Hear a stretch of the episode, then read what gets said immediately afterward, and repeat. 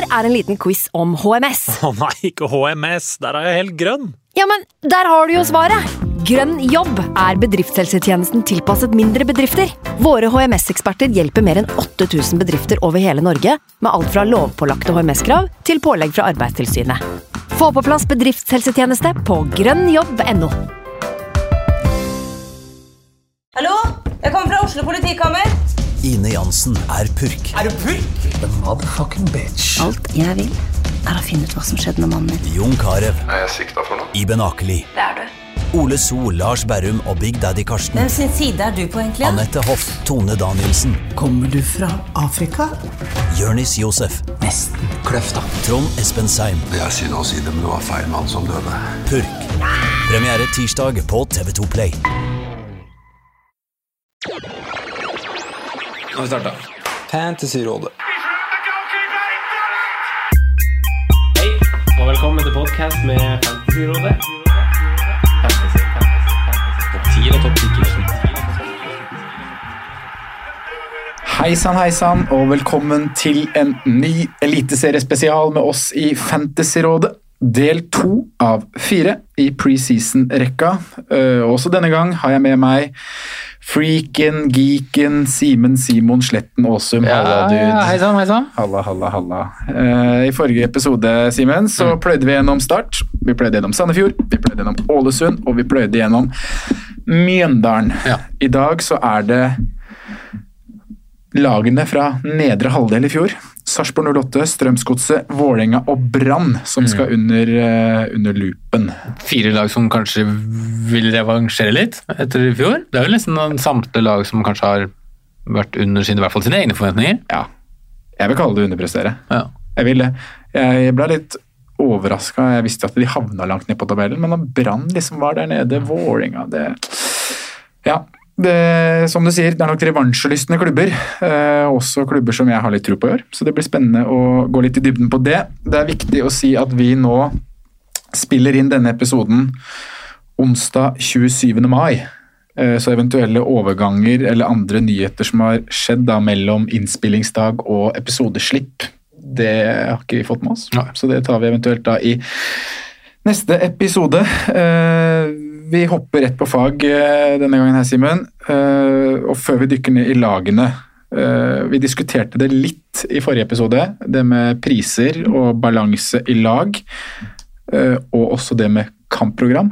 Har du tenkt noe på det i år og gjort deg noen vurderinger på hvordan du skal hvordan du skal balansere kroppen din? Nei, kroppen sin.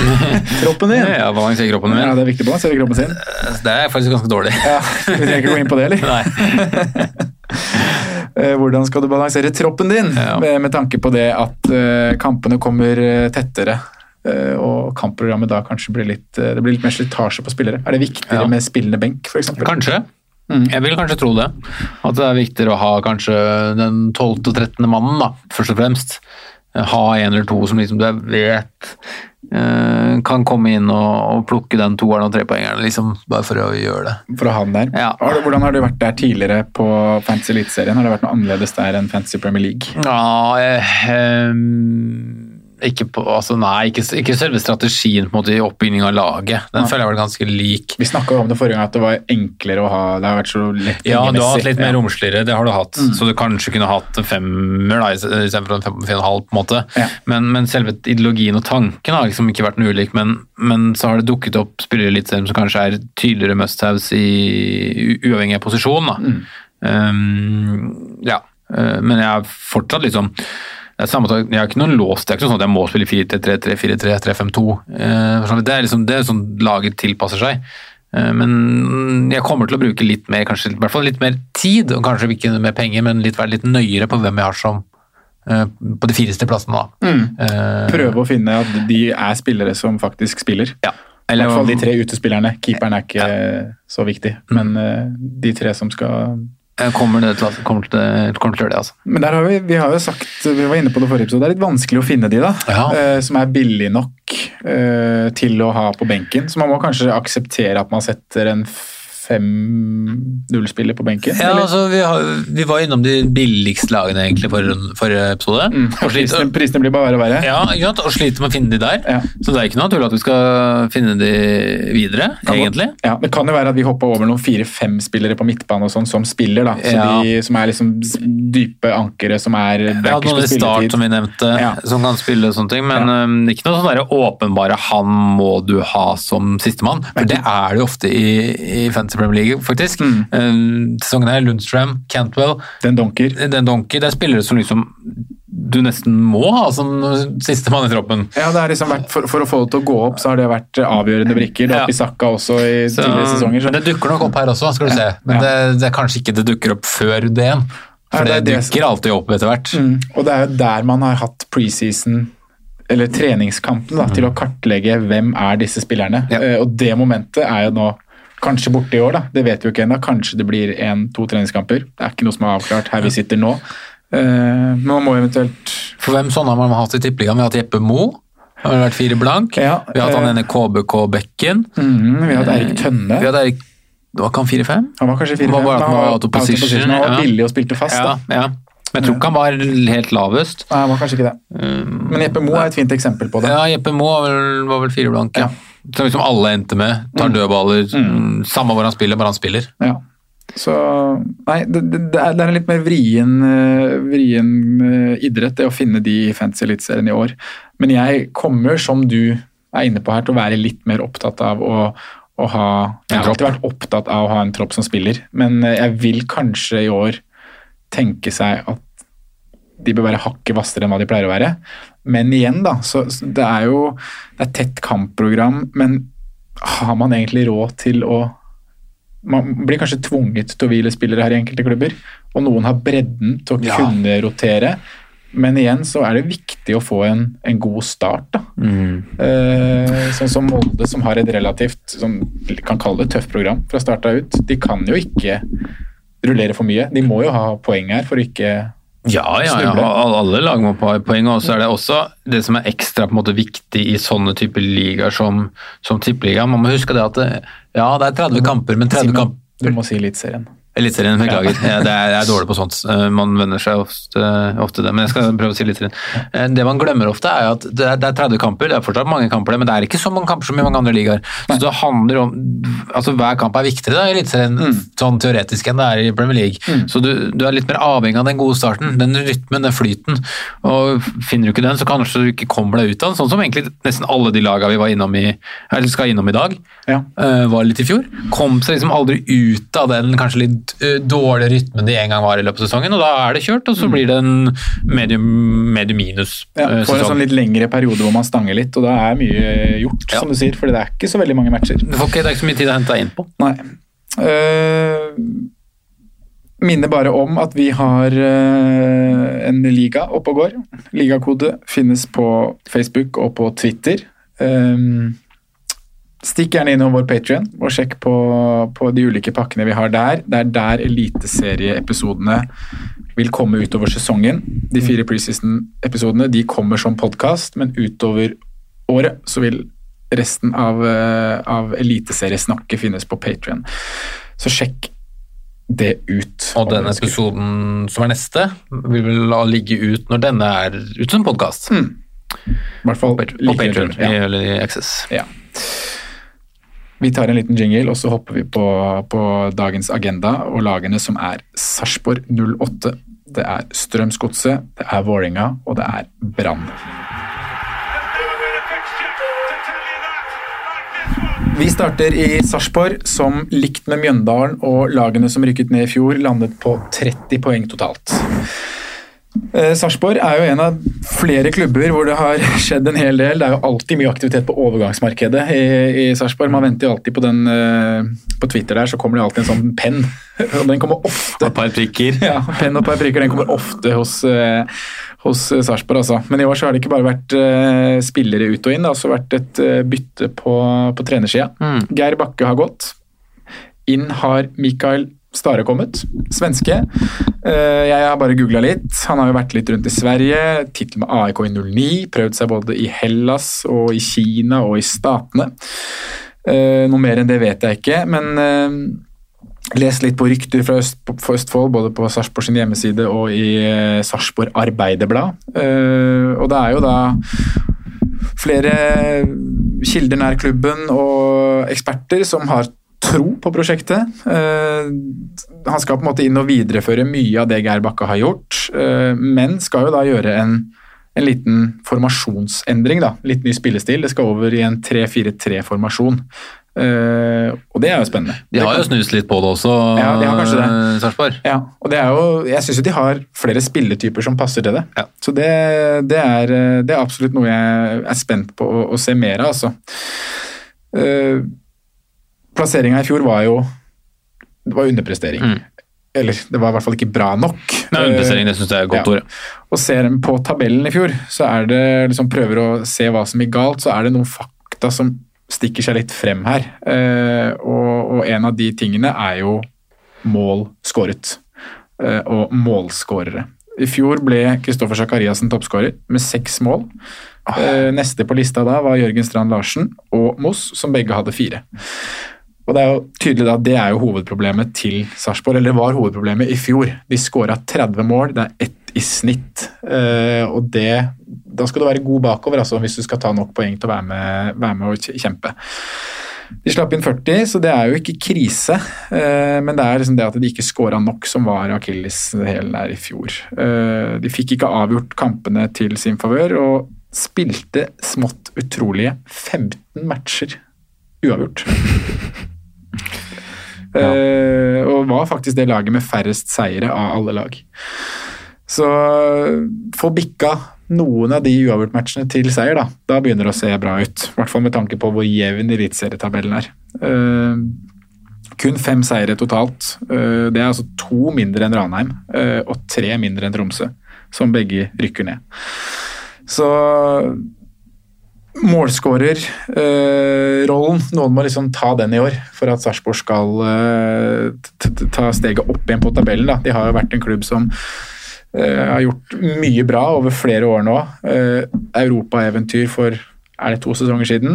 Uh, ja. ja. Midler inn der. Har vært veldig gode på å hente spillere fra lavere divisjoner som har tatt nivået i Eliteserien, og, og, som har blitt solgt videre også.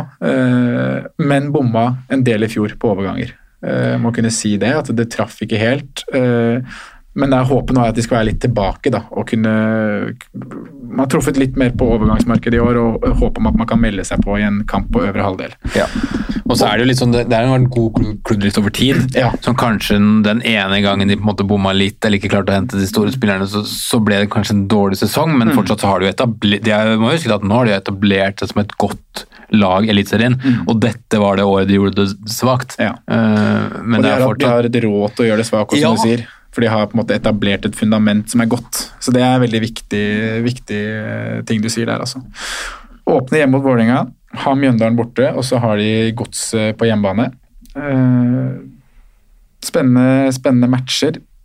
En, Åpne kamper. Ja, og så syns jeg det er en ålreit start. for du kan få Med ny trener kan få to ja Nå har jo ikke kanskje den hjemmebanefordelen så mye å si, da, men, men, du får liksom eh, For, for, for, for um, uh, Sarpsborg sin del, så tror jeg liksom det er greit å få to kamper hjemme på det kjente, vante gresset, få spilt inn kanskje ny formasjon. Mm. Eh, nå er det jo ikke så veldig mange nye eh, signeringer. Eh, som det kanskje har vært, vært ja, før. En, det er en liten liste der. Ja. Det er det. Men de kanskje vil få folk til den forventede elver, da. Ja. Nå har det også kommet noen til vei mann tilbake også, fra noen utlån. Mm. Hvis vi går litt inn på overganger, da, siden du, siden du starter på det der. Uh, man ser jo det er jo en åpenbar svekkelse her, da. Uh, de har mista Kristoffer Sakariassen. Ja. Tre gode sesonger nå i Sarpsborg. Uh, har gått til Rosenborg. Skåret seks mål i fjor. Ble som sagt uh, toppskårer i klubben. I tillegg til Kristoffer Sakariassen så har de mista Amin Askar. De har mista Matti Lund Nilsen, de har mista Jon Helge Tveita, og de har mista keeperen sin. Eh, så det er jo spillere som har gått ut, og så er jo spørsmålet har de klart å erstatte disse godt nok.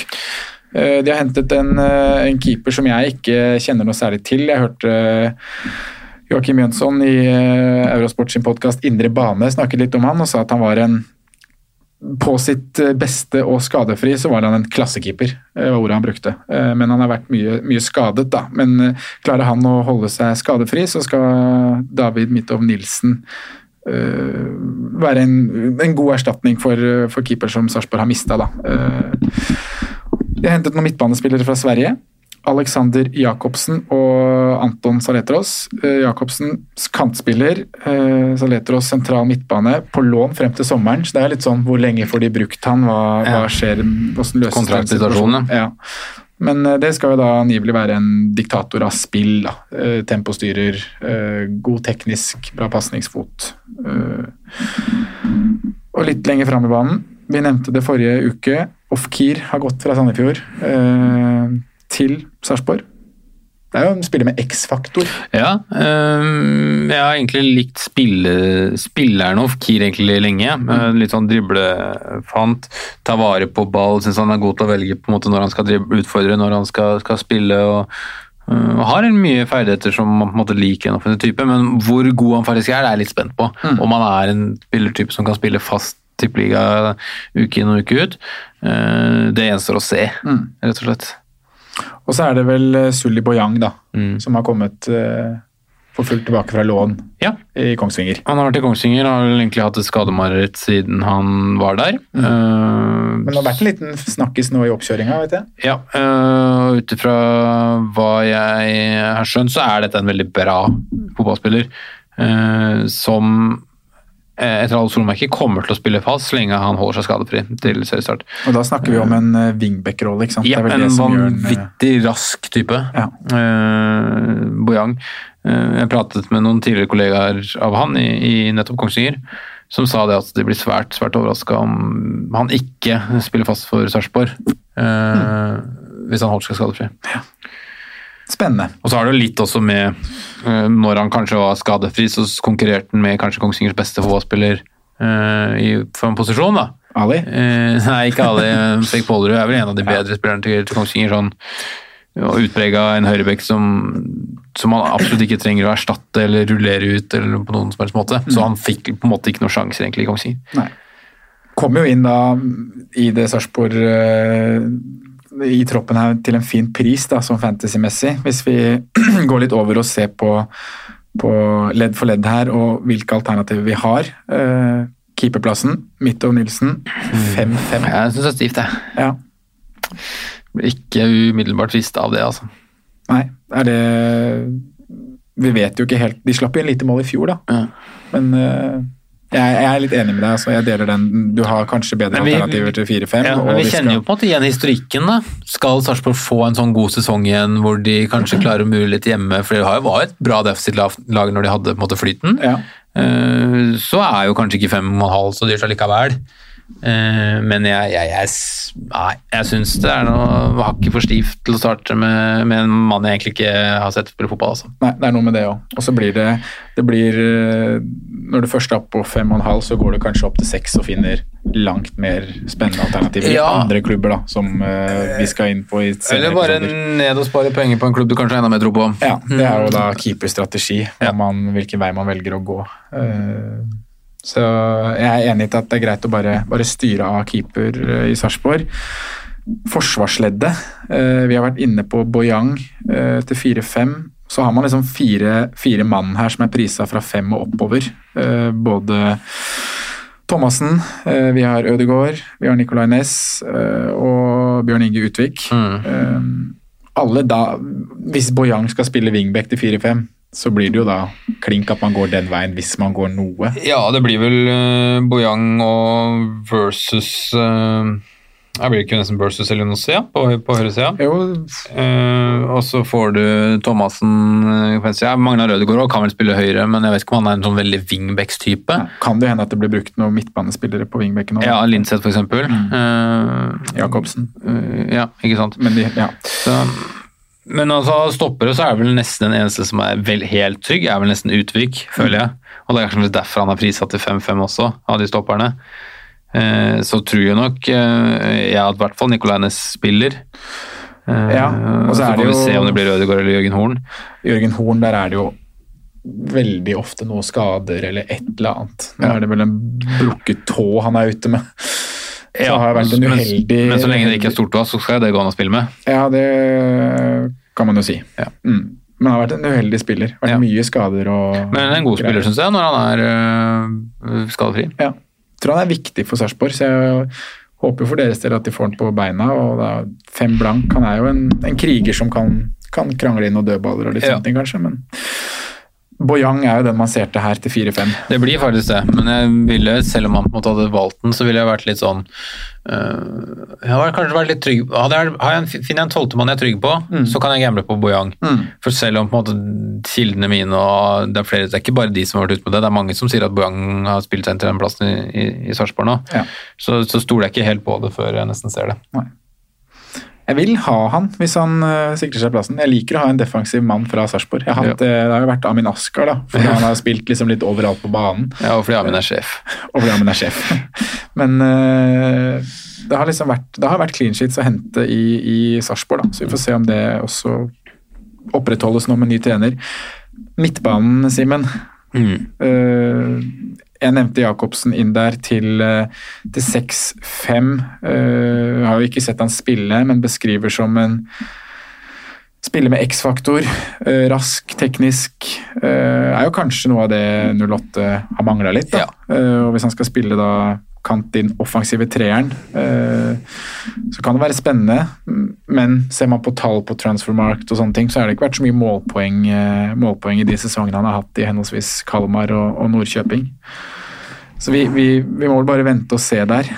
Ja, man- 6-5 kan jo bli en fin pris hvis det blir noe utover. Ja, Man styrer greit unna, men samtidig så, så må det jo være en her som, som gjør noe uforløsende. For nå, den Sarpsborg-varianten vi så i fjor, syns jeg var Den mangla den derre den der kreative, gode ballspilleren som utfordra og skapte noe seg sjøl. For du hadde litt sånn øh, Du vet hva du får med Halvorsen, det er ikke noe negativt med han, men han er ikke den typen. Uh, du, du vet hva, også hva Linseth er, men han er ikke den typen. Du trenger en litt mer som skaper noe. uh, en som åpner opp. En Individualist, ja. Eh, Så, sånn sett så tror jeg også for så vidt Off-Keer på den ene sida kan bli egentlig en ganske bra signering. Men om han er god nok i, i, i akkurat den spillertypen han er, Mm. det er der jeg liksom er usikker. Men ja. jeg tror han er riktig type. Han var vel ikke, det var vel ikke flust av målpoeng i Sandefjord i, i han hadde fem-seks skåringer ja. i Obos i fjor. Uh, assist har jeg faktisk ikke notert ned, men det bør fem, være mulighet til å finne. Fem assist og to skåringer hadde han. Hadde bare to skåringer, ja. Mm. Så sju målpoeng. Ja, nei, det er jo litt tynt. um, det er det. Men du nevner jo Ole, Ole Jørgen her, da. Mm. Er det, han er jo assistkongen i Sarpsborg, han, hvis du ser på fjorårssesongen. Ja, og han leverer jo jevnt og trutt, så jeg vil jo egentlig si at han er et trygt og godt, uh, godt valg. Han hadde en liten svak sesong i fjor, men det har jo også med den totale klubben. Altså, klubben var dårlig, han var litt dårligere. Uh, så jeg tror du får nesten akkurat det du betaler for, jeg. Ja, gjør du det? Du får ikke litt mindre enn det du betaler for? Jo, kanskje. kanskje. Jeg syns det er litt mye. Ja. Men øh, han er jo, som du sier, da, hel ved. Du vet hva du får. Ja. Sånn ellers da på midtbanen så er det, det er mye sånn Det er mange spillere her. Mm. Det er mye man har lyst til å se. Det er litt sånn klassisk Sarpsborg, fordi de, som vi var nede på, de driver med gode klubbdrift og sånne ting, men de, de henter alltid spillere som i hvert fall eh, Altså, vi har liksom ikke mulighet til å vite helt hvem de er, hvor gode de er. For det er, ja, mange kan se, se allsvenskan, men det er ikke så veldig mange av oss som ser noe annet. Vi ser Premier League, eh, norsk fotball, og så, du får ikke tid til å se allsvenskan eller dansk liga eller hva det skulle være. Der de plukker fra, da. Så nei, det er alltid et par spennende navn i, i Sarpsborg-troppen. Så er det jo Man tror jo kanskje ikke man treffer Krepen Diata igjen, men det, det kan, jo, kan jo hende. Plutselig er de heldige. Mm. Ja. Og så er det Joakim Soltvedt, da. 5-5, som kommer fra Ja, Sogndal. stemmer det. Eh, Det er, sånn ikke sånn kjempe- Nei, det er ikke det heller. Men det er jo en typisk sånn Obos-signering Obos-signering av Sarpsborg, da. Ja. Men hvis vi beveger oss opp til, eh, til toppleddet, da er jeg litt mer positiv, altså. Mm. Ja. Jeg må si det. Der har du, du har to spisser som ligger på 7-5. Jørgen Strand Larsen og Mustafa Abdullaue. Førstnevnte der hadde jo Han hadde jo en sånn Oppkjøringa hans i fjor da, Han putta jo i hver eneste match. Ble en kjempesnakkis før sesongen. eh, Både i fantasy-miljøet og også i eliteseriemiljøet. Han var jo en veldig mange hadde høye forventninger til. Og det blei kanskje litt for mye da, for en ung gutt. Mm. Skåra da fire mål, som sagt. Eh, er jo en spennende spisstype. God avslutter. Eh, høy. Stor. Eh, likevel ganske, ja, og, men likevel ganske gode tekniske ferdigheter. Så, så, så, jeg er spent på han i fjor og tror at han kan Jeg tror han kan doble og håper han kan det òg, doble målpengene sine. Han må jo det hvis Sarpsborg skal melde seg på, på øvre halvdel. Så jeg må si at jeg, har, jeg er veldig Jeg syns prisen er helt grei til Jørgen Strand Larsen. 7,5. Jeg syns også den er grei, og tror den er helt god, ja. rett og slett. Så det er man vurderer litt fra starten her òg, i hvert fall med tanke på lagene de møter. Det er lag som også slipper inn mål. Ja. Mm. ja han står på Han er inne på den relativt kjappe draften jeg har laget til nå. Mm. Det er han, men det er en ganske lang vei dit fra, fra det endelige laget som er 16. juni. Altså. Ja. Så er det jo et, det er jo et spørsmål her med, med Moss, da, om skal hvis det er en sånn 3-4-3-variant uh, Hvem av de, eller skal ja, det rulleres? Skal det rulleres? Kan begge spille sammen på en eller annen måte? Hvordan blir dette satt opp? Uh, så den er jo litt interessant og litt, uh, litt ekkel, da, egentlig, hvis du velger å gå for en av de. For Moss òg kan jo være et fint alternativ. Ja. Han har jo vist, i hvert fall tidligere, at han kan skåre mye mål. Og... Det eneste jeg er litt usikker på, er om, om, om Moss har passert den best før-datoen sin. Ja, ferdig. Ja jeg, jeg, begynner å bli bekymra for det, altså. Men, uh, men, det det er i Moss, som det ikke er i så mange andre, det er en, uh, en veldig målskårerhjerne. Mm. Uh, liksom, nå er det gått dalende nedover med, med 16 skåringer i 2017, 7 i 2018 og nå 4 i 2019 på, på ganske bra antall minutter. Så det daler dessverre nedover for, ja, for Moss. Det gjør det. Høstspiller, tror jeg. Ja, det, det, har det jo vært. Ja. Og de skal vel helt tilbake til Ålesund-tida, vel? Hvor han hadde så mye som uh, ja, det var en god. to, tosifra. Ja. Mm. Når de rekka ned. Mm. Steffen Lie Skålvik Nei. og Ruud Tveter, skal vi gidde å si noe Skålvik der? prøver de vel å bli kvitt, så det sier vel egentlig sitt. Ja. Uh, og Ruud Tveter har vel knapt spilt minutter siden han kom til, uh, kom til uh, Sarpsborg. Fire-fem, så det er jo sikkert en spiss som kanskje noen setter på benken. Da, hvis de vil ha en ja, Det var en sånn omgang de prøvde da å hente smart fra Hvor var det Ruud Tveter kom fra? Follo? Ja, men han gikk, jo, men han gikk Eller via noe, kanskje? Jeg lurer på han har vært innom noen klubber imellom der. Ja. Han har i hvert fall vært i Follo. Han har uh, gjort jobben i Follo, altså når de rykka opp fra andredivisjon og spilte førstedivisjon. Ja, altså, de, det er jo en sånn signering man typ, som liksom, de prøver på, men de treffer kanskje ikke helt hver gang de, de henter fra, fra nedre. Men så treffer de noen ganger med f.eks. Zakariassen, som de gjør kjempeprofitt på. Mm. Uh, jeg ser at Ruud Tveter har valgt av 8 Det er jo autopic. Ja. Det... Ellers er det da spillere som vil ha en skal spille med to spisser og vil ha tredjespissen sin så billig som mulig. Ellers er det noen som vet fryktelig mye mer enn oss. Det kan også være. Men det tror jeg faktisk, jeg ikke i dette tilfellet. her. Han kom fra Strøm... Nei, var utlånt til Strømmen, ja. Jeg har vært i Fredrikstad. Vært i Halmstad, ja. ja. Jeg har vært i Sverige. Er det noe mer du vil si om Sarpsborg før vi hopper til godset? Nei. Um, jeg har trua, jeg. Jeg, jeg, jeg er spent på Sarpsborg. Jeg tror, jeg tror også de kan få en opptur i år, ja. men uh, jeg syns fortsatt det er et vanskelig lag å lese. Mm. Litt med det at de henter mye nytt, og mye som er utenfor min rekkevidde. Mm. Med at det er svensker og dansker. Altså, det er liksom det det ligarekka jeg har koll på. Sammen med treneren. Har ikke koll, Nei, har ikke det, vet du. koll på. Veit for lite. Ja. Men uh... Nei, Jørgen Strand Larsen. Han er uh, Jeg deler optimismen. Ja. Strømsgodset. Strømsgodset. Det var med et nød... Oi, så det er stemmen med. Ja, da. Det var med et nødskrik at de klarte å berge plassen i fjor. Mm. Uh, det så lenge veldig mørkt ut, med totalt 32 poeng. Så sikret de seg ny kontrakt da helt uh, avslutningsvis. Uh, to poeng over Tromsø som gikk ned. Hva er dine tanker, Simen? De mørkeblå fra Drammen. Hvorfor skal det gå bedre i år? Nei, Jeg spurte jo spesifikt om å få godset, var egentlig eneste laget jeg ville ha introen på. sånn spesifikt, Og, mm. og det har jo med det for jeg har voldsomt troa på prosjekt, prosjekt Dansken, eller hva man skal kalle det, ja, det, det. som er, i, er i, i Drammen. De var vanvittig vanvittig gode, syns jeg, på høsten i fjor. Uh, plukker ut de siste sju da, fra Eliteserien, så er det, det er 2-4-1, det er ett tap. uh, og det er Molde på Aker stadion. Eh, Helt greit å tape den. å tape det. Nei, det går fint, det. Ja. Og i de, samtlige de fire kampene de spiller uavgjort, så er det vel best eh, mot slutten. Og det inkluderer jo den 6-0 eller 6-1 eller hva det ble mot, uh, mot Brann. Ja, må, Eh, som egentlig var den kampen hvor de nesten begynte å sikre seg. Da skjønte man at nå går det godsets vei, da. det var da Barmen hadde hatt julebord dagen før det. ja, det var det han prata på, det stemmer det. Uh, ja, det var noen kommentarer der ja, som ble fryktelig vridd på av mediene, det er litt gøy, da. Selvfølgelig. Um, nei, men det, um, De sleit litt i fjor, selv, selv den perioden de var gode med at de ikke klarte å avgjøre, at de ikke klarte å, å punktere. eh, fordi de styrte kampene ganske godt og hadde gode førsteomganger, gode seksmøter, og så altså ble ble de for slitne. Nå har de fått en, um, en vinter, og vel så det. En god og lang eh, periode å jobbe formen på, jobbe seg fysisk opp. Ja. Eh, De trener knallhardt visstnok, ganske ekstreme antall både mengder og intensivitet. Eh, Jeg har veldig troa på, siden jeg så så kjappe, eller så raske forbedringer da, i et lag som hadde voldsomme utskiftninger, det var litt kaostendenser i hele godset, så følte jeg at Henrik Pedersen hadde god kontroll på det han egentlig kunne. Og, og jeg bare liker også liksom måten de spilte på, offensiv, fin fotball, mye fine typer, og de nye som kommer inn, så ja, jeg må si at fotball eh, som krever mye tempo og energi. ja.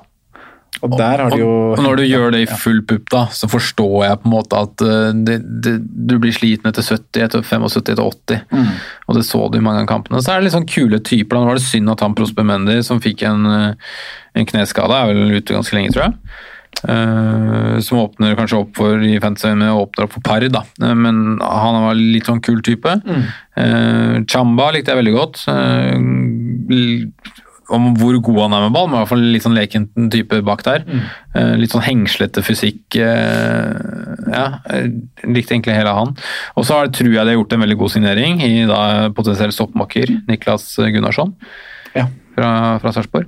Uh, som egentlig er en av Vi kan jo gå inn på overgangene, kanskje. dem, som Egentlig en av de få nye overgangene de har gjort Uh, siden fjorårssesongen. Mm.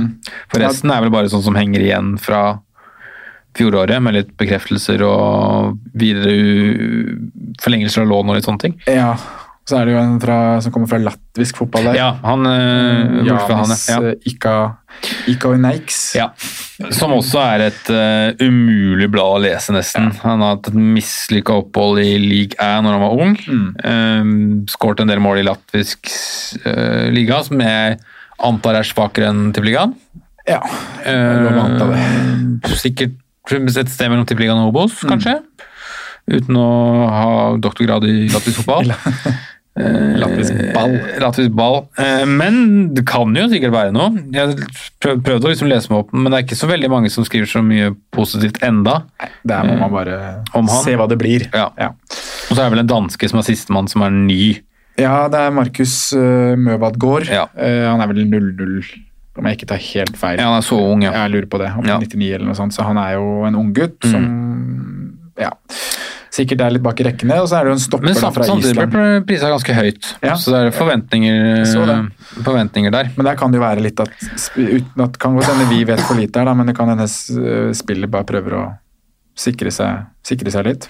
Ja, fordi man tror kanskje det kan være en Ja, ja jeg, jeg vet faktisk ikke hva, helt hva, hva han er, men han, han Han er prisa til syv.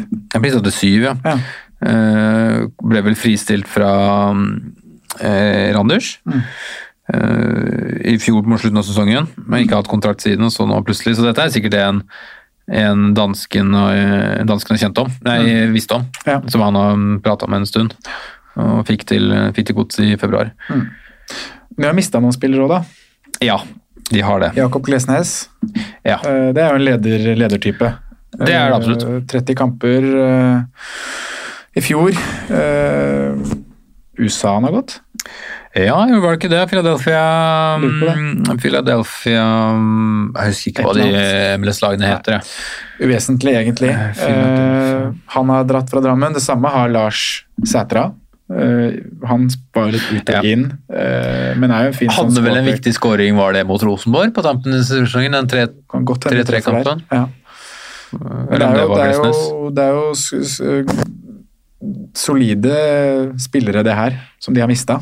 Mm, det samme har jo keeper Martin Hansen.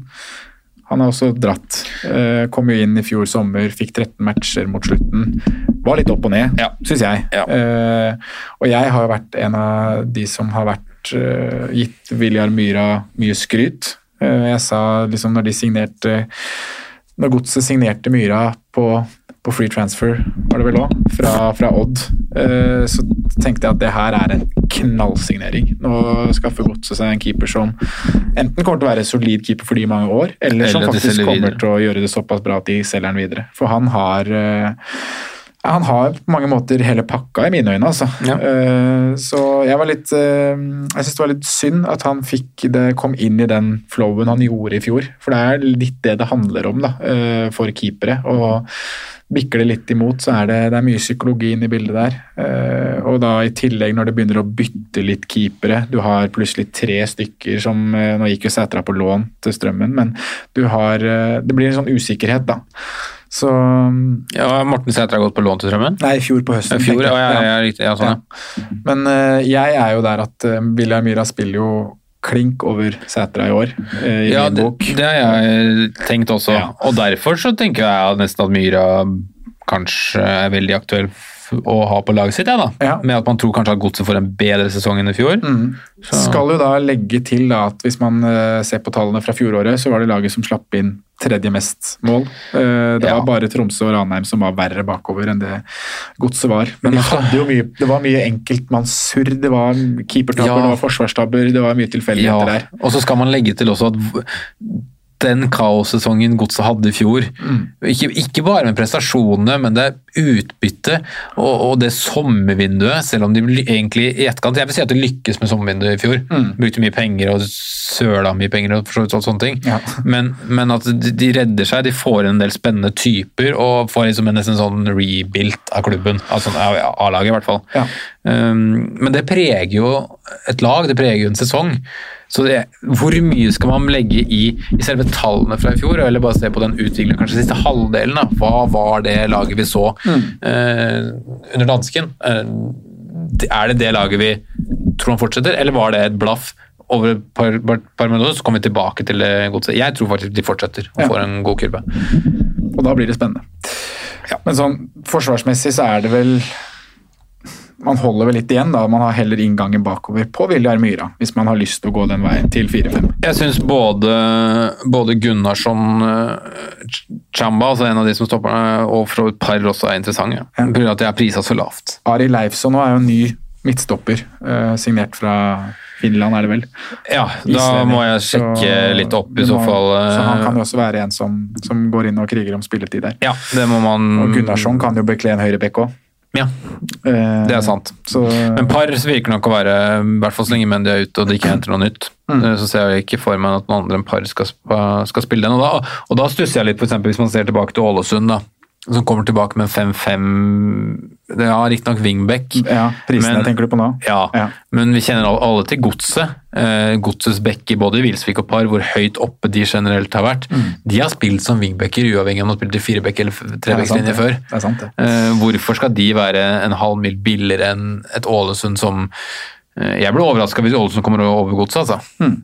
Eh, så jeg ser ikke helt Jeg synes Det er det, egentlig det første laget hvor jeg har tenkt at noen av forsvarsspillerne her har vært skikkelig underprisa. Ja. Jeg tror nesten man kunne hatt 0-5 opp på hele backrekka. Mm. Uten å stusse over det. Ja. Midtbanen, da? Er det Vi hopper rett på spilleren som er høyest prisa og mest aktuell? Han var jo faktisk en åpenbaring i fjor, uh, Maigård. Uh, var vel kanskje ligaens beste fotballspiller etter han kom til uh, Godset fra Raufoss.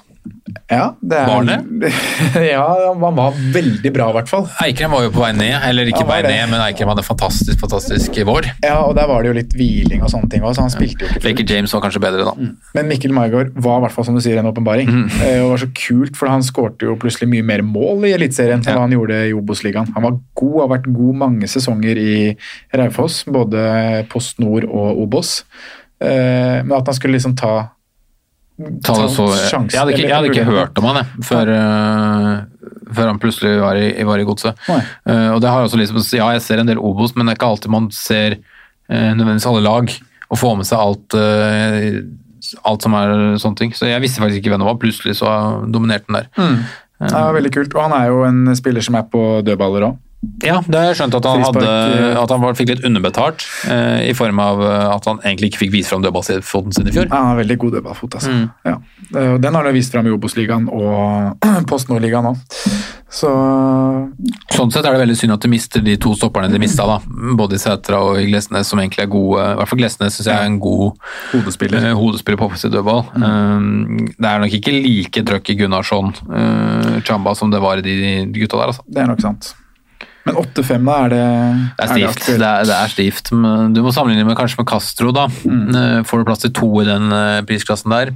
Eh, Tja, altså da Du skal jo stable litt fra topplaga og si at du skal ha to av eh, de dyreste fra Rosenborg og Molde. Eh, si at du f.eks. ender opp med Wolf Eikre Nei, si at, du, si at du ender opp med en Jacket James uh, på André Helland. Da tror ikke jeg du får råd til to 8,5 i tillegg til en god spiss siden av Lekker James. Nei, det blir tøft. Så du Hvis du skulle nok velge en av de to i dag Mikkel Maigard eller eh, Castro. Castro. Um, jeg, tror, jeg, jeg tror jeg hadde valgt Maigård fra start. Jeg tror det, altså. Det er Litt mest mer med- eh, åpnere kamper i starten her. Ålesund har et tøft program. Så er det at jeg, det eneste som måtte holde igjen for, for, for Castros fordel, er jo det at han er såpass høyt valgt. Her snakker vi om Maigard, som kanskje var ligas beste, på, på, som valgte 4,2 Mm. det, det er overraskende lite. Det er det. Det er det, altså. Start, Odd, Sarpsborg 08, de tre første. Er det flere på midtbanen du i det hele tatt vil snakke om? Nei, det er ikke så vi må, vi kan, Man kan sette både mm, de to nye Så man kan sette de to nye på en sånn såkalt watchlist. Mm. Man får ikke sett de antageligvis før ligaen. Eh, man, da må man nesten høre, prøve å få hørt litt internt i godset. Om det er noen spor på om noen er gode, om noen er i god form, om noen kommer til å starte. mm. Om noen av de er på straffer, om det skulle plutselig være. Eh, ellers så syns jeg ikke man skal notere ned flere fra midtbanen. Tokstad? Nei. Ja, jeg har alltid likt Tokstad som type, ja, men jeg tror ikke det er nok målpenger at, man, at han blir noe fancy varp. Da hopper vi opp til eh, angrepsspillerne, da. Mm. Uh, det er spennende. ja. Skyt. Jeg Salvesen var det første jeg satte på. Ja, det var det? Ja. Ja. på Du har to spisser til 8-5. Moses Mava og, og Lars Jørgen Salvesen. Mm. Eh, hvorfor, eh, hvor, hvorfor Salvesen? Nei, fordi at eh, jeg tror Godset kommer til å skåre en del mål. De spilte jo offensiv og fin fotball i fjor under, eh, under dansken, så og han er den som spilte helt på topp. Det er jo nesten det som vipper, vipper Salvesen foran Moses Mava. Ma- Mava ble flytta litt mer rundt. Øh, Venstresiden, høyresiden, litt på topp. eh, også, Han var egentlig nesten like god som performance-messig Moses Mava, men eh, det er posisjonen og da der de fleste sjansene ender opp uh, foran mål, hvor jeg vil ha Salvesen. Ja. Salvesen hadde ni skåringer i fjor. Eh, Moses Mava kom jo på sommeren fra KFUM. eh, leverte jo godt eh, i KFUM på, på, på vårsesongen der, og gjorde jo også det sesongen før. Eh, Absolutt godkjent med han også. Ni, skåringer, nei, ni målpoeng for et lag som, eh, som da lå med brukken rygg, og kommer inn der og er med på den godset 2-0-toget som begynte å rulle. Mm. Moses er jo, en, han er jo, hvis vi snakker om spillestil og godset med, med energi og tempo, han passer jo perfekt inn i det. Uh, han er en enorm fysikk. Uh, lynrask. Eh, ser ikke så veldig, så veldig sterk ut, men han er helt eh, rå på, i det duellspillet, nærspillet. Vond å møte. Eh, så han er sånn han er som ja, nei, angrepsspiller som jager alt. Alle baller som går i bakrom, løper han på. og skaper jo trøbbel da, for forsvarsspillere. Det eneste haken der er jo avslutningsegenskaper. Ja, altså Han er litt sånn uslepen, enig i det. En Litt sånn kriger, men samtidig så er det litt av, litt av han, tror jeg òg. Å bare liksom dundre på, gå i duell, ikke tenke så mye, bare, bare gjøre. Og jeg syns han, han passa fint i den eh, energirike fotballen Godset hadde i fjor, syns jeg. Selv om han på en måte blir litt sånn du skjønner jo på, på det du nevner med fysikken hans, at han burde vært i midten. Burde vært der, men han, det passa liksom litt at han kom på sida, dytta seg inn. og han virkelig, Viser seg å være en virkelig lagspiller òg, Moses eh, Mava. Og det var det kanskje ikke alle som var helt eh, klar over. Nei, det var ikke det. Eh, og hvis han skal spille på kant, så mener jo jeg at han passer best på venstre. Hvor han kan dra seg Dra seg innover og skyte. Han, er spiller, han skyter jo for fort han får muligheten. Og det er jo en veldig god egenskap når du skal spille eh, spiss eller være angrepsspiller. Ja, eh, både Kan og. Både og. ja, det kan også være ødeleggende for et lag da, i oppbyggingsfase og sånne ting. Men han, eh, er, han slår meg en spiller som må spille på instinkt. Mm. Det drar det best, og det er mange spillere som er sånn. Da, da må du på en måte ofre den ene eller to hvor han skulle ha spilt, Mm. for å bare ha det instinktet. Også det beste eksempelet på det er jo Luis Ares. Ja. Spiller jo kun på instinkt, og det er jo fantastisk å se når det går. Ja, det er det. Det blir spennende å, å følge godset, og jeg deler jo din optimisme. Jeg, eh, ja, jeg er spent på hvordan det kan bli. De må få orden og rydda opp litt bakover. Uh, offensivt ser det veldig bra ut. Mikkel Maigård han er nære laget, det må jeg si, Uh, og en av spissene også. Det, hvem det lander på, det, om, det, om det lander på noe i det hele tatt, det får tiden vise. Eh, Mulig også at vi kan få, få, få sneket til oss litt ekstra informasjon rundt godset. godset før det nærmer seg Det må jo være, må, jo være mulig. Eh, Jeg tror, jeg tror jeg kommer til å ha minst to godsspillere fra start. Spennende. Vi tar en liten jinglepause, og så beveger vi oss fra Drammen til Oslo.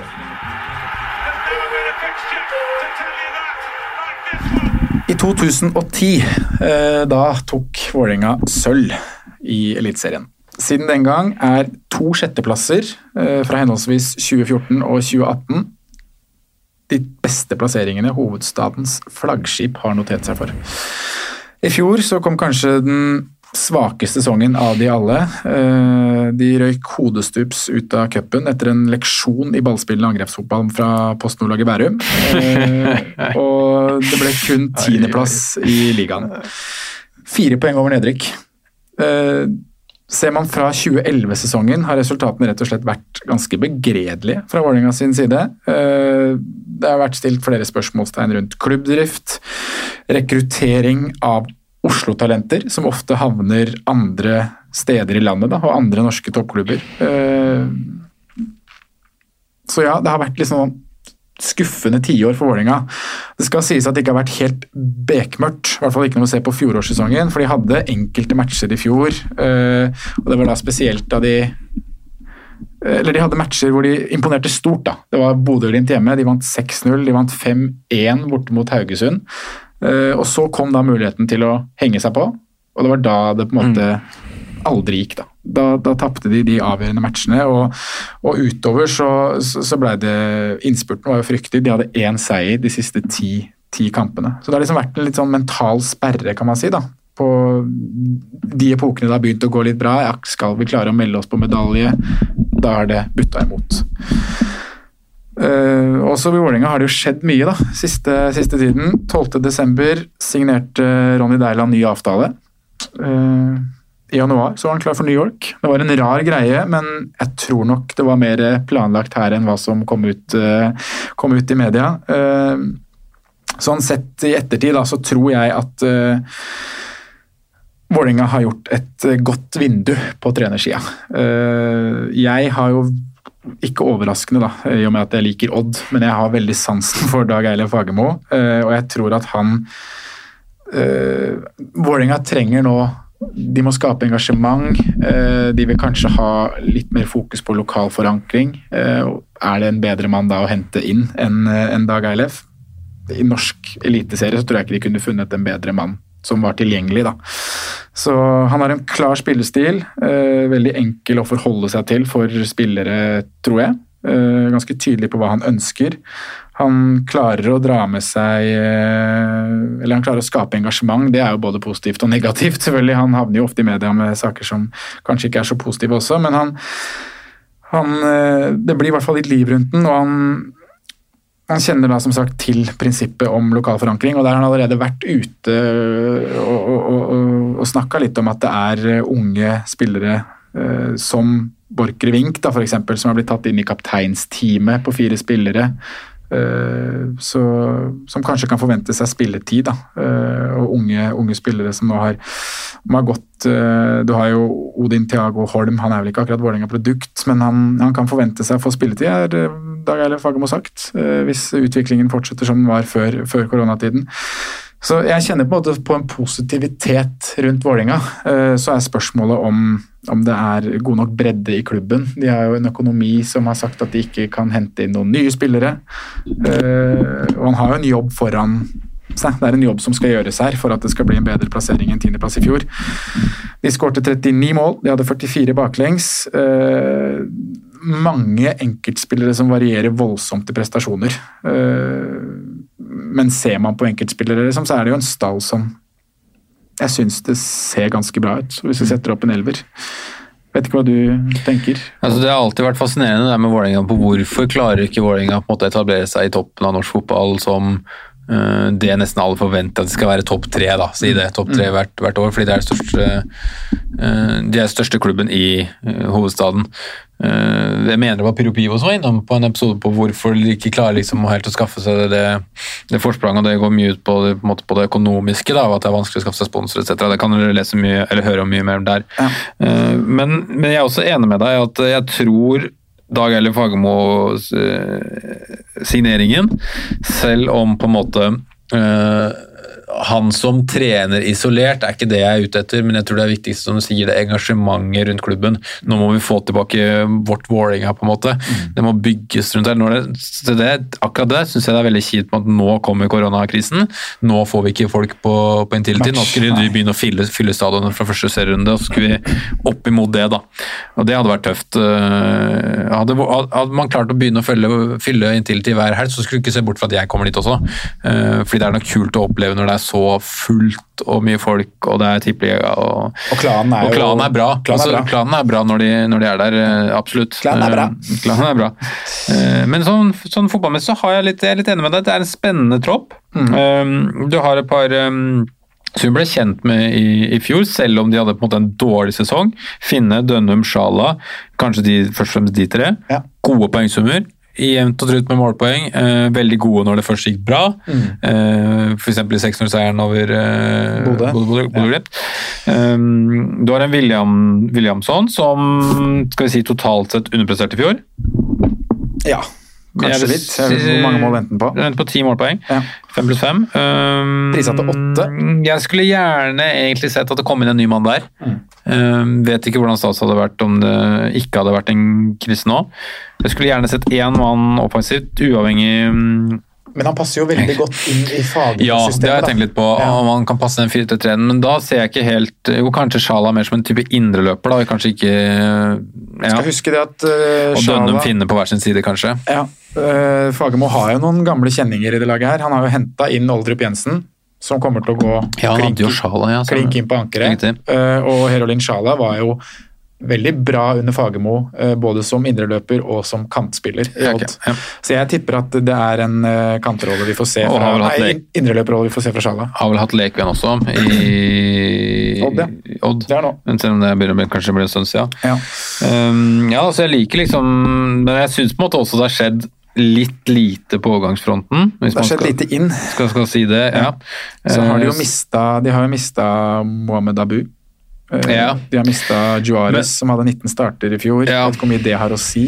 Um, Nakki Magot, det har vi vært inne på til Mjøndalen der. Og så Asemi. Da, ja, for det, det, ser litt tynt ut i, i midtforsvaret også, mm. og på topp, syns jeg. Uh, Bekkene syns jeg ser bra ut. Som du nevner i Adekubi, Borgerlig Vink er jeg egentlig fan av, fra det jeg har sett på U-landskamper. Mm.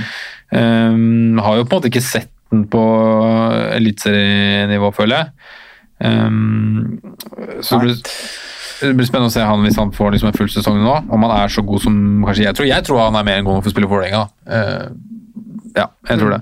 Så har de også en Aminori som kan bekle posisjonen der, som begynner å nærme seg best før datoen, han også, men Bedre etter. Bedre etter. Men eh, ja, jeg tror troppen er brukbar. Um, men skulle kanskje gjerne sett én uh, eller to uh, virkelige forsterkninger til, da i ja. elveren. det er jo, vi nevner jo spillere her som Finne og Dønnum, eh, som kommer til å være kantene. Og Men så kan- har de da Vega, da, som kan komme inn kanskje og forandre litt på kampbilder og sånne ting. Ja. Jeg er litt om det er Fagermo-kanter. Eh, hvis du skjønner hva jeg mener Mm. med det. I den typiske eh, fotballen Fagermo har spilt. da. Ja. Eh, Hva, hva, er en, hva er en typisk fagmokant, hvis du skal beskrive med én- spiller? Det første jeg egentlig tenker på, er Bentley. Bentley. Ja. Ja. Men han liker, jo, han liker jo veldig å ha kanter som uh, spiller på en høyrekant som er høyrefota. Mm. Hvis du skjønner. Uh, man har jo Ja, selvfølgelig stemmer hatt det. motsatte. Ja. Magnus Myklebust. Magnus Myklebust, Ole Jørgen Halvorsen, Ole Jørgen Halvorsen. eh, Bentley, eh, Rafik Seknini, Elbasan Rashani. Mm. Det de gutta der. Men da med Bård Finne som venstrekant komme seg litt inn, og eh, han eh, Samuel eh, Adekube komme rundt der, det jo, høres ut som en fin kombo, det, altså. Ja. Kan du få Sjala Dønnum på hver sin side og finne på topp? Det er jo et, eh, et eksperiment som kan skje, det, altså. Ja. Absolutt. Men treeren på midten tror jeg er, egentlig er ganske satt, altså. Med Oldrup dyp, og så Lekven Sjala indreløpere. Okay, ja. Og så har du, har du da Thiago Holm, da, som kan være en spennende spiller. Ja. Som kan komme inn, eh, inn på en indreløperrolle der. Felix Horn Myhre også, til, som kan bekle der. Men uh, Ettersom jeg har skjønt, så er Felix Horn Myhre nesten bare direkte cover til uh, Oldrup. Oldrup ja. Um, og så er han um, Jeg har aldri sett han spille fotball. Uh, Osame Sahraoui. Ja, Visstnok er- også kjemper om plassen om en innløperplass, Mm. tror jeg har forstått. Også plassert i seks blank, Ja. som vitner til at de som har, de som har prisa her, har troa på han. Mm. Eller at det, i hvert fall at det kan være noe der. Um, så der også syns jeg man skal være litt obs, men der må jeg innrømme at der har ikke jeg uh, snøring. Og da er det bedre å bare si det rett ut. Det er helt riktig, det Ja. òg. Det- Og der er vi i samme båt. Ikke sett nok. Men med tanke på Nå har vi egentlig tatt litt ledd for ledd her, da. Men uh, hvis vi ser for oss starten med Sarpsborg borte, Stabæk hjemme og Odd borte, tenk det. Ser runde tre der. Fagermo tilbake på, på Skagerrak Arena. Men er det noen Er det noen av de vi har vært inne på nå som er eh, i nærheten av laget ditt?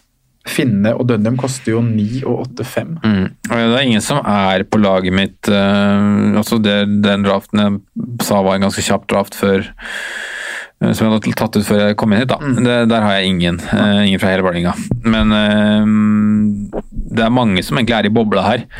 Først og fremst kanskje Borchgrevink, Vink, fordi jeg liker prisen. Jeg syns det er litt stivt å gå 5-5 for en Vålerenga Beck. Jeg syns 5-0 er mer ryddig og pent. Lærer, lærer dere Børdal, da? Um, Også 5-0. ja. Jeg vil egentlig ha den bekken. Ja. Bare fordi at sånn assist-potensial. ja, det er, mm, Sikkert like mye placeboeffekten. Ja. jeg liker å ha en, en, bekk. bekk. Uh, midtbanen, Dønnum Da har du Nesberg til 4-5, da, bare sånn for å Ja. skyte inn. Men tror, vil du er ikke det. tro at det blir Tollås Lærer Bjørdal? Jo, jeg vil jo tro det. Um, så vil jeg tro at det er relativt kanskje jevnt med Nori Borchgrevink. Eh, mer enn kanskje jeg har gitt uttrykk for. Jeg tror kanskje det er litt jevnere der, og så tror jeg at QB er ganske klink på den venstrebekken. Eh, Mid, men midtbanen så vil jeg si at jeg vil si at Finne og Dønnum Sjala vil alle være i, bobla. Ja. Jeg vet ikke om noen eller flere, flere går, men jeg tror ingen de er i bobla. Rett i det liksom Si at du har ender opp med totalt med kanskje 30-35 spillere som du vurderer seriøst til 15-mannstroppen din, så vil de være blant den, den, den gjengen. Ja, det tror jeg òg. Det er bare den prisen som er hakket Hvis man sammenligner med Mikkel Maigård, da, så tror jeg går han over alle de tre fra, fra start. Ja, og Vil- vil men Sjala hadde vel et ekstremt snitt, om jeg ikke tar feil, da de spilte i fjor. Ja, det er godt mulig han hadde 11 målpoeng totalt på, på 1600 minutter. Ja, på 1600 minutter, ja. Ja. Og så hvis du hvis du for eksempel går på Dønnum, da, eh, som også gjorde det veldig bra, som har 1800 minutter og 11 Ja, 200 minutter. Det var ikke så forskjell der, da. Finne eh, Ja, det er fortsatt litt mindre minutter. Ja, det er det. Ja, Men alle har levert bra med målpoeng. ja de har faktisk det. I en dårlig sesong. Ja. Så det må jo nesten bli bedre. må, må nesten det. Eh, på topp er det Williamson til åtte og Michael til seks blank som står på spillet per nå. Det er potensial i Williamson også. Hun må ikke si, selv om jeg var litt krass og kanskje sa at hun burde sette en Nei, du sa du, du ville likt å se en ny spiss, Ja, sa du. ja. Så du var ikke så krass. Men oppsiden med Williamson til åtte blank er der. ja. Jeg, den er jeg fullt klar over. han i fjor. faktisk. Ja, det gjorde jeg òg. Ja. Lurer på om jeg kapteina i første runde også. Mjøndalen hjemme. Ja. Eh, men er Jeg ser, jeg ser oppsiden, selv om jeg skulle likt for Vålerengas del å sett en Men samtidig så har de bomma på mye spisser, så jeg vet ikke om de skulle ønske at de kjøpte en ny en, men at Fagermo kanskje fikk bestemme sin type spiss, da. Ja, men det skal Ole ikke se Ocean, bort uredd. ja, kanskje han kommer tilbake. Men det skal ikke se bort ifra at Fagermo, hvis han kunne bestemt litt, hadde gått for en Williamson. Nei, det, Fordi det var noen rykter når Williamson eh, skulle bort fra Rosenborg, At så var Odd Odd eh, inne i bildet der. Og det er jo en 4-3 4-3-3-spiss i Ja. Tråd med Fagermo sine prinsipper. Så oppsiden er der, og jeg er positiv, altså. Men det blir jo et show, da. Altså, Fagermo er jo Uansett hva man syns om ham, så er han jo en aristokrat som skaper Uh, mye prat om Eliteserien. Mm. Mye prat om han, mye prat om lagene hans, mye prat om motstanderne. Å få han inn i Det det som er, skal man nesten si, en av Norges største klubber. da. Altså, de er jo det. Det er hovedstadslaget vårt. Ja, det er vel kanskje det laget med nest flest supportere i Norge. Mm. Må jo nesten være det, bak Rosenborg. Så mm, det er jo show å få han i lederstolen der. Jeg gleder Moro meg skikkelig. Moro blir det. Skal vi hoppe til, eh, til siste lag i eh, dagens bolk, Simen? Ja. Brann. Brann. Eh, Brann er nok det laget jeg kanskje har, eh, føler jeg har minst oversikt over. Enig. Eh, Det må være Samme, lov å samme si Samme med Sarpsborg. Ja. Litt sånn oversikt, Litt Ja. Sarpsborg fordi de har henta så mye, eh, som vanlig. Uh, det må være lov å si at en niendeplass var skuffende for Brann i fjor. Uh, de hadde en veldig tung høst, i likhet med Vålerenga. Én seier på de ti siste kampene. Nå er ledertyper som Wormor, Wormgård godt. Karadas er også borte. Også en viktig mann i garderoben, vil jeg tro. Og årets råeste signering rakk de rett og slett ikke å bruke. Nei. Farman er eh, dratt tilbake. Hvor på tabellen tror du vi kommer til å se Brann kjempe i år? Simen? Ja, um, jeg er ikke så sikker på at de kommer seg så fryktelig langt oppover, altså. Jeg må si det. Uh, samtidig så vet jeg at de forventer det sjøl, og jeg vet at et helt bergenspublikum forventer det. Um, Det kan du banne på. Det kan du man banne på. Det så, men jeg syns den troppen er litt som du er inne på, litt vanskelig og litt rotete nå, eh, fordi du har hatt et par typer som har vært litt sånn klare ledere, egentlig stjerner, og sånn, som blir litt sånn borte. Selv om på en måte Berisha kanskje ikke hadde den fantastiske sesongen, i fjor, så var han stjerna på den midtbanen. Altså Han kom jo fra Rapid Wien eh, tilbake til Norge, eh, velger Brann. Eh, ja, signeringene inn. Farman, som du sier, er jo at i det hele tatt den, er rå signering, altså. Ja. Har han dratt hjem, eller sier jeg feil? Har han fortsatt mulighet til å spille match? jeg vet ikke, um, for å være helt Kan ærlig. Det, det står. Current Club, så står det SK Brann Ja, på det. Ja. Um, men uh, hvordan, de, hvordan låneavtalen er der eh, Jeg tør ikke å gå inn på de detaljene, men jeg antar jo at det kanskje er til overgangsvinduet på sommeren skulle starta. Eller skulle Ja. slutta. Det er nok riktig, det. Eller til Elites, eh, Premier League-klubbene skulle få ferie. ja. Som er eh, nå. Ja. Uh, riktig. Men eh, det er jo litt gøy å se på den keeperbolken Brann har her. Da. Du har Farman på seks, du har Oppdal på seks, du har Holmen Johansen på fem, Ja. Sage Pettersen på fire-fem. Og så ryktes det om at de må ut etter ny keeper. Ikke sant. Så- Oppdal har vært under kniven og sånne ting, da. Ja, og han hadde jo også en veldig god sesong i fjor. Vil vel kanskje si at han har overpresterte, selv om laget underpresterte. Eh, I hvert fall slik eh, man, man føler på en måte Oppdal sin kurve har vært. Han har jo vært en god keeper i eliteseriemålestokk, eh, absolutt. Ja. Har alltid hatt den der tabben i seg, men fortsatt hatt også det ekstraordinære i seg. Absolutt. Eh, Holmen Johansen føler jeg liksom ikke har fått ut det fulle potensialet sitt, jeg, eh, enda. Han har jo ikke det. Han var god i Sandefjord, da, men det ble jo en skikkelig nedtur. Eh, opphold i Bergen. Ja. Det blei det. Så han starta jo der, men uh, Oppdal tok jo kjapt over. Han spilte jo mye i 2018, men det ble liksom ikke den Det var en grunn til at man begynte å se på andre løsninger også.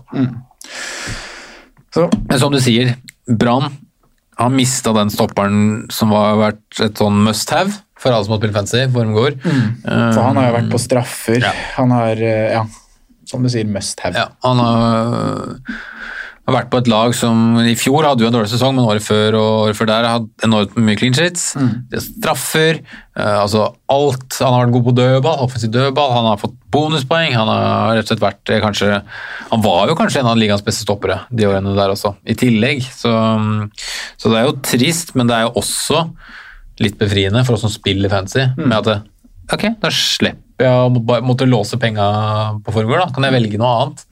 Eh, men om det er noen du skal velge Brann, det er jeg blitt mer usikker på nå. For jeg Ja. syns han var en viktig brikke i det forsvaret. Ja.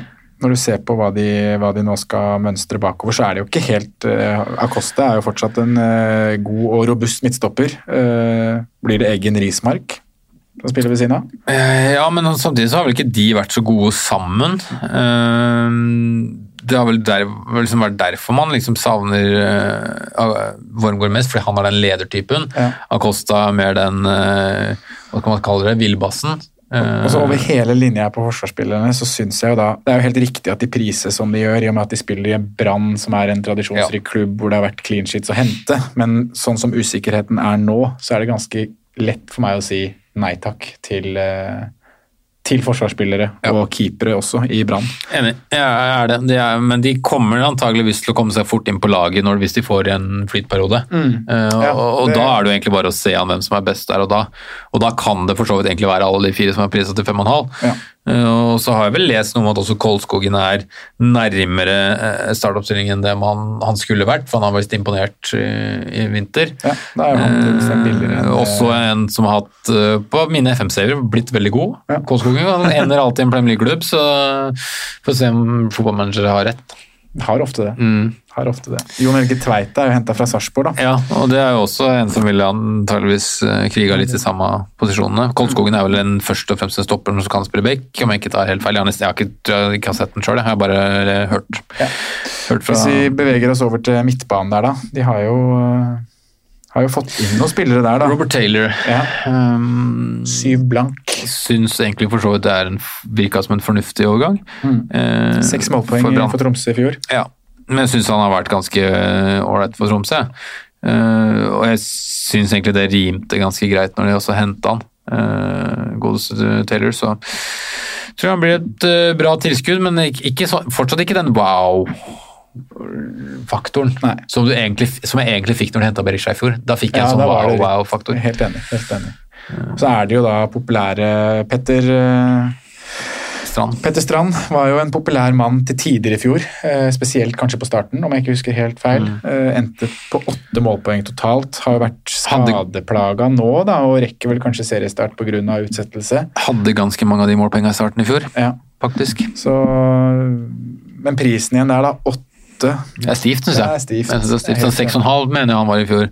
Det står vel kanskje inne Seks faktisk og en her halv er òg. Nei, sju var han i fjor. nei, ja. Nei, Det seks var og en halv i fjor. Ja. Og seks ved sesongslutt, for han fikk jo en skade. Men så har du en spiller som, eh, som eh, har gått ned i pris, da. Mm, Dover to. Ja. Nå tenkte jeg på Komson, men Ja. du var på Rolandsson da? Frekkhaugen. Ja, Fredrik Haugen òg, selvfølgelig. Han er på Mm, åtte. som eh, jeg tror begge går litt under radaren. Ja. Eh, men jeg syns også de er riktig prisa. Mm. Men der er det en stor stor oppsett på begge to. Hvis Brann skulle få i gang maskineriet, Mm. få i gang den Få For 2017-sesongen på Haugen der igjen, med 11 sist og 5 mål. Ja. Eh, eller egentlig sånn som Brann framsto i 2018 også. Eh, hvis Da kan de to bli veldig toneangivende. Og potensialet er der i begge to. Absolutt. Selv om det er en stund siden Komson var, var god i Sogndal. Ja. Jeg syns egentlig ikke han har vært så god siden han kom til Brann. Nei, De skal vel tilbake til Sogndal, fall. Han- Der skåret han jo mål. Ja. Uh, I fjor var han jo helt det var jo, Han har jo vært ute og snakka om uh, litt sånn problemer med det psykiske å spille foran folk og alt det greiene der, så det, det er kanskje Kan en fordel. en fordel, ja. eh, faktisk. Men eh, to målpoeng i år. Man må vise noe før man eh, blir vurdert da, altså, til Fantasy-laget. Ja, Men det er kort vei altså når det koster, når Komsom koster sju og Haugen koster åtte. Altså, Ja, ja, det skal- mellom de to. Ja, altså si eh, nesten bare målpoeng i runde én, så, så jeg, begynner jeg å bli trigger-happy. Ja, det skjønner jeg jo. De har jo eh, Det er jo en start her med Fred, F, F, Haugesund borte, Viking hjemme og Ålesund borte. En sånn eh, Hva skal man si eh, Litt guffen eh, start, men muligheter faktisk, altså det er mulighet på opp, helt opp til ni poeng på de tre. Mm. Det er det absolutt, men eh, totalpakka her er litt sånn tøff. Ja. I hvert fall i tillegg med at hjemmekampen er Viking. eh, uten hjemmebanefordelen. Absolutt. Øverste ledd, Bamba, Ja. uh, endte på, på syv skåringer i fjor. Koster nå ni. Det blir for dyrt for meg, altså. Det gjør det. men egentlig akkurat i samme bås som eh, Komson og, og Haugen. At han er på watchlist, og jeg tror ikke det skal mye til før jeg begynner å bli trigger happy med å få han på. Uh, for hvis man sammenligner, så er det ikke veldig langt opp fra f.eks. Salvesen, som jeg er veldig, veldig på. Nei, han koster, det er, det er 0,5 forskjell, ikke sant? Ja, opp til, til Bamba. Så det, så det er ikke mye å gå på. Altså. Nei. Og bak Bamba der så er det jo det er noen eh, ja, Det er mener til seks, men det er stor kvalitetsforskjell i Ja, jeg vil tro det. altså. Jeg tror med skjønn så er vel Menert en som er ganske godt likt borti Bergen. Man har litt forventninger, eh, forventninger til, men eh, Vært på utlån, er jo opprinnelig fra, fra Bærumsområdet og vært i Asker, Ja. Stabekk. Ja. Men jeg har jo lite tro på at uh, skal konkurrere med, med Bamba. Eh, jeg har det. Men eh, om han er en eh, eh, fullverdig ers- erstatter, så holder jo på en måte det denne sesongen her. Eh, ja, jeg tror eh, Jeg syns Brann har litt, litt eh, å bevise. Komme tilbake, samtidig som jeg syns ikke troppen ser noe bevegelsesmessig sterkere ut egentlig enn i fjor. Jeg tror det Formgård-tapet er litt større er litt stort, men samtidig så er det isolert sett to gode stoppere, eh, kanskje tre, igjen i fortsatt i det, det laget der. altså. Det er det. Det blir veldig spennende å, spennende å følge med på Brann. og alle lagene vi har snakket om nå, egentlig. Det er en fin, eh, fin gruppe klubber, det der, altså. Uh, Sarpsborg, Godset, Vålerenga og Brann. Eh, skal vi ta og si oss ferdig med, med lagene, Simen, og plukke, plukke som vi gjorde forrige uke? Én mann i hvert ledd. Ja. Kjør en, eh, en keeper, hvis du skulle valgt ja, en. jeg, ender med egentlig han jeg sa var inne i stad, William Myhra, eh, på pris. Eh, jeg tror det kan være en god oppside her. Jeg tror også han fort vekk kan være den keeperen jeg ender med når vi starter spillet. Uh, om det ikke er en som dere skal diskutere neste uke.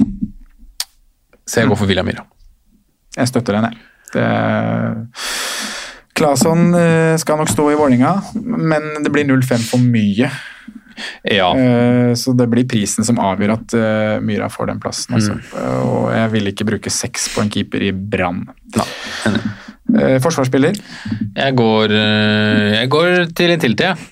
Så prøver jeg på. Borchgrevink. Spennende. Mm. Fem blank. Ja. Jeg syns Jeg skal ikke si at jeg har sett veldig mye av men jeg synes hver gang jeg har sett den, så syns han er en positiv, offensiv type. Hvis han er god nok for Vålerenga, så tror jeg det kan bli en del målpoeng i under nye, fag, eller nye Vålerenga med Fagmo. Mm. Det er spennende. Jeg, jeg, jeg er enig med det. Sist jeg så den, var han ikke så veldig god. Nei. Ikke vært for det. Kadettangen i fjor. Ja, riktig. riktig. Men uh, Han spilte det, ja. Jeg tror han gjorde det, ja. Jeg går til, jeg skal til Østfold, jeg. Jeg skal til Boyang og Wingbekk 4-5. Hvis det er spilletid der, så, så må han med fra start. Altså. Fått uttalelser om at øh, det er lurt, altså. Ja, da med, med de lagene her, Vålerenga, Mjøndalen og Godset de første mm, kampene, så, så kan det bli offensive returns, altså, fordi det er lag som har sluppet inn mål. Midtbane. Jeg, jeg kan ikke si noe annet enn Maigård. Nei, vi gjør det kort og godt der, faktisk, begge to. Jeg sier det samme, jeg. Så hvis jeg skulle valgt en god nummer to, så, så tror jeg jeg ville gått eh, Vålerenga, altså. Og tror jeg nok jeg ville valgt Herolin Sjala. Ja, Men eh, ni ah, Det er stivt. det er stivt. Det er stivt, det er stivt. Jeg er nesten på Finne over Herolin, Ja. Hvis vi isolerer Vålerenga-gutta. Det er lov. Han spiller jo da kant. Herolin kan jo bekle indreløper nå. Ja, Spiss. Uh, Men jeg, jeg sier Salvesen. Eh, Første jeg satt på også. Eh, Men veldig jevnt konkurranse eh, med, med Strand Larsen. Men eh, Salvesen her. Hos meg så er det, det er Salves Nei, det er Strand Larsen, som er ganske klink, altså. Og han Det skal Skal ikke se bort ifra at han, han starter, altså, i mitt lag. Så spennende blir det. Dette var det. Dette var det. Skal vi kalle det en dag. Så til de få som fortsatt uh, hører på, uh, ligakode ligger på Twitter, uh, Facebook. Sjekk Patrion. Takk for all støtte der. Tusen takk igjen, Simen, for at du Veldig hyggelig å bli invitert til Eliteserieprosjektet. Ja. Hyggelig å ha deg her. Eliteserien, det var riktig. Ja, det var riktig. Det var riktig. Du, Den sitter nå. Ja, Jeg sitter nå. Ja. Mm. Vi, vi takker for i dag, og så, så høres vi neste gang. Adios. Takk for at du hørte på vår podkast. Vi setter stor pris på om du følger oss på Twitter, Instagram og Facebook. Vi er fans i rådet på alle mulige plattformer.